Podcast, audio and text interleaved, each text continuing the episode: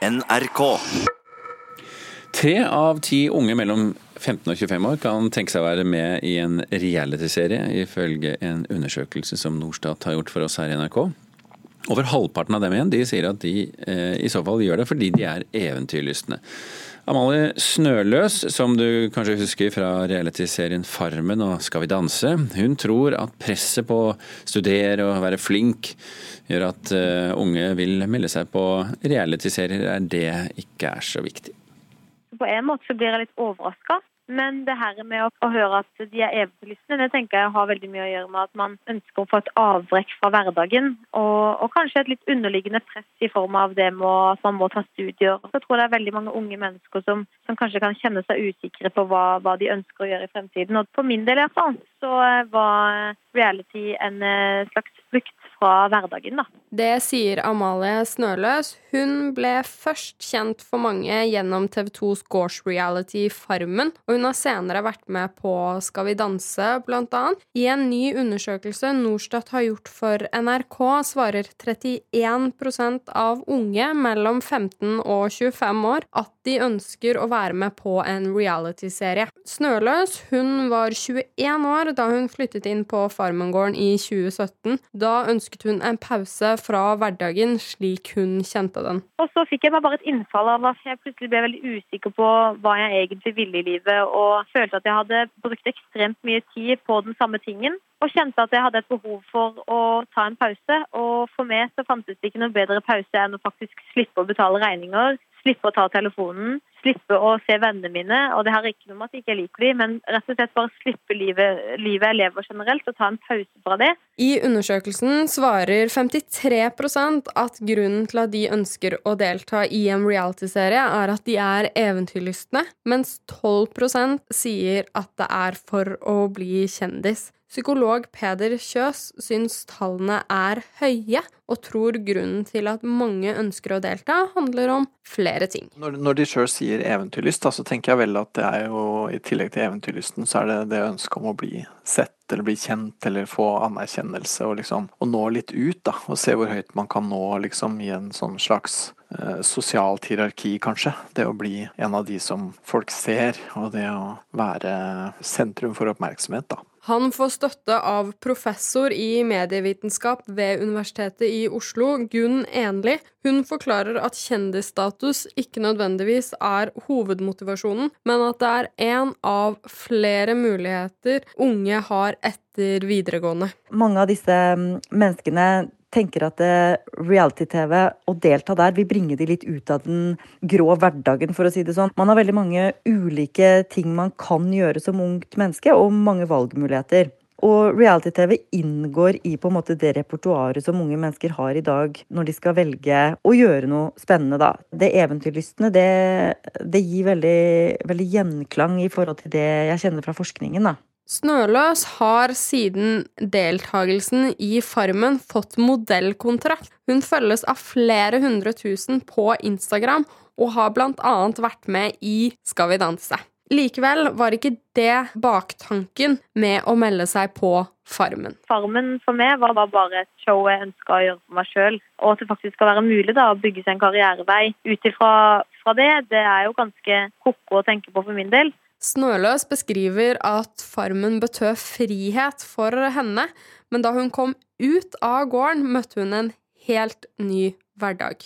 Når jeg da kom ut av Farmen, så hadde jeg faktisk ikke forventet den responsen jeg fikk, som var eh, et ganske massivt eh, mediepress og ikke minst eh, masse, masse oppmerksomhet. Livet etter Farmen har jo vært en kjempekontrast fra det livet jeg i hvert levde inne på Farmen, det er sikkert og visst.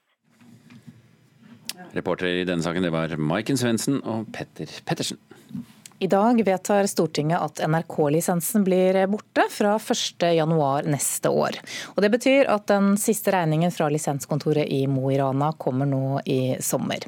Kulturkommentator her i NRK, Agnes Moxnes. Eh, mange vil kalle dette en milepæl? Ja, det tror jeg helt sikkert eh, man kan kalle det også. Det er jo historisk sus over lisensen. Den har eksistert siden 1924. Altså vi rakk ikke, akkurat ikke 100 års markeringen. Til å begynne med var det jo radioapparatet man betalte for. Så kom svart-hvitt-TV. Så fikk man det litt billigere hvis man holdt, holdt seg ved svart-hvitt-apparatene, og så ble det litt dyrere for farge-TV. Og i siste tiden så har det jo vært fjernsynsapparater og etter hvert også type satellittmottakere og sånt noe som eh, lisensen ble knyttet eh, opp til. Forfall to ganger i året også, i sommeren og, og vinteren. Eh, og nå er det altså slutt eh, både på, på lisensen og på lisenskontrollørene. Og vi går fra lisens til skatt. Og dette ordet lisens det skaper jo så masse følelser hos eh, mange. Hva er forskjellen på skatt og lisens? Ja, altså, eh, Lisensen var knyttet til husstandene. Hadde du et TV-apparat i huset, så betalte du lisens. Men eh, TV-apparatene er jo i, i, ferd med å forsvinne, sånn som vi kjenner dem. Iallfall deres eh, funksjon og, og betydning. Eh, så det som skjer nå, er at hver enkelt av oss får denne skatten. Altså vi som har eh, in, en inntekt, og må betale maksimalt, hver og en av oss, 1700 eh, kroner, de med høyest inntekt. Mens eh, f.eks. minstepensjonister og studenter kan ende opp med 200 kroner i eh, året.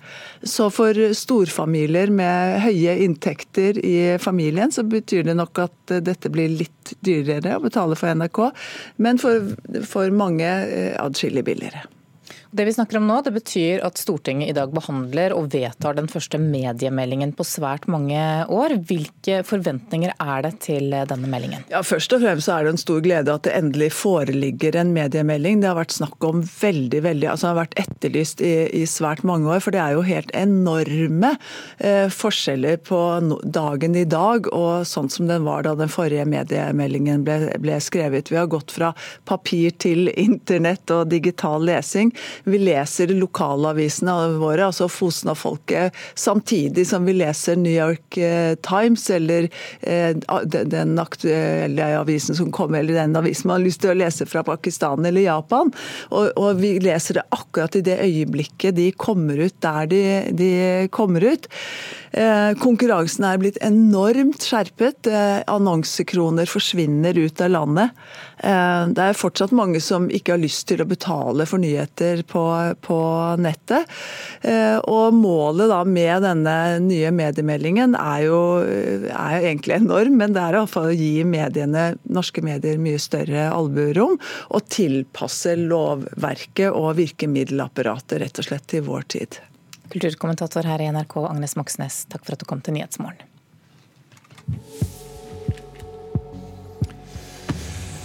Da har vi fått Mona Palle Bjerke i studio, kunstkritiker her i NRK. Vi skal snakke om den tiende versjonen av kunstbiennalen Momentum i eh, Moss. Men jeg har en høne å plukke med deg, Mona. Har du det? Du har påført meg lukt i dag. Ja, har det. det er altså helt forferdelig eh, Jeg kan ikke skjønne det, men eh, for, for TV-seerne våre, kan ikke du ja. holde opp den lille flasken du har med deg? Det er altså for radiolytterne en tre centimeter høy liten flaske med en kork. Ja. Nedi der så er det bitte, bitte lite grann av en klar væske bitte litt igjen. Bitte det er liksom en, det er en lukt, et luktunivers, en stankverden, som er helt uh, utrolig. Dette er Sissel Tolås, som egentlig har laget denne parfymen som det er. Hun har laget det med ordentlige parfymeprodusenter. Eh, til den åttende Momentum-biennalen, den som var for fire år siden. Eh, og den er da vist, eller i hvert fall utstilt, eh, igjen i den tiende biennalen. For den eh, tiende biennalen er nemlig en tilbakeskuende biennale som reflekterer over sin egen historie. Hva har momentum vært, og hva er den eh, i dag? Og Vi tok av korken litt i stad og fikk ut litt lukt, og jeg må ha fått det på meg på et eller annet vis. Mm. Eh, hvordan, eh, hvordan eh, reflekterer den hva momentum er i dag? Ja, den reflekterer jo, altså Denne lukten er jo lukten av en by, bare så jeg har sagt det først. Det er en morgenlukt, lukt av støv, kanskje et islighet av søppel søppel. Eh, det er eh, asfalt, eh, og den stinker rett og slett ganske kraftig. Denne er jo sant, en, et kunstverk som har vært vist før, og det går igjen i årets Momentum-biennale. Det er en tilbakeskuende biennale fordi det er et slags 20-årsjubileum, eller det er den tiende i rekken.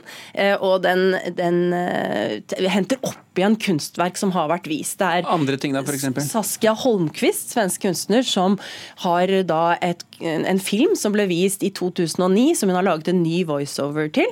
Det, Olafur Eliasson eh, gjorde jo en kjempefigur liksom, eh, med sin grønne, irrgrønne foss i 1998, i den aller første versjonen. Hvor Mosse, den Mossefossen eh, rant grønn. Dessverre ble ikke det gjort igjen, men han har da, da gitt et intervju hvor han reflekterer over denne grønne fossen som forbløffet og skremte mossingene i 1998, og på en måte igangsatte Momentum-prosjektet.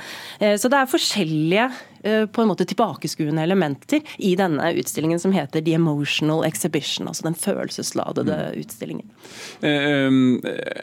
Er det, altså Siden dette er en samtidsfestival, og nå vi jo, ser vi jo det i ettertid, har det likevel den samtidsstyrken ved seg, vil du si?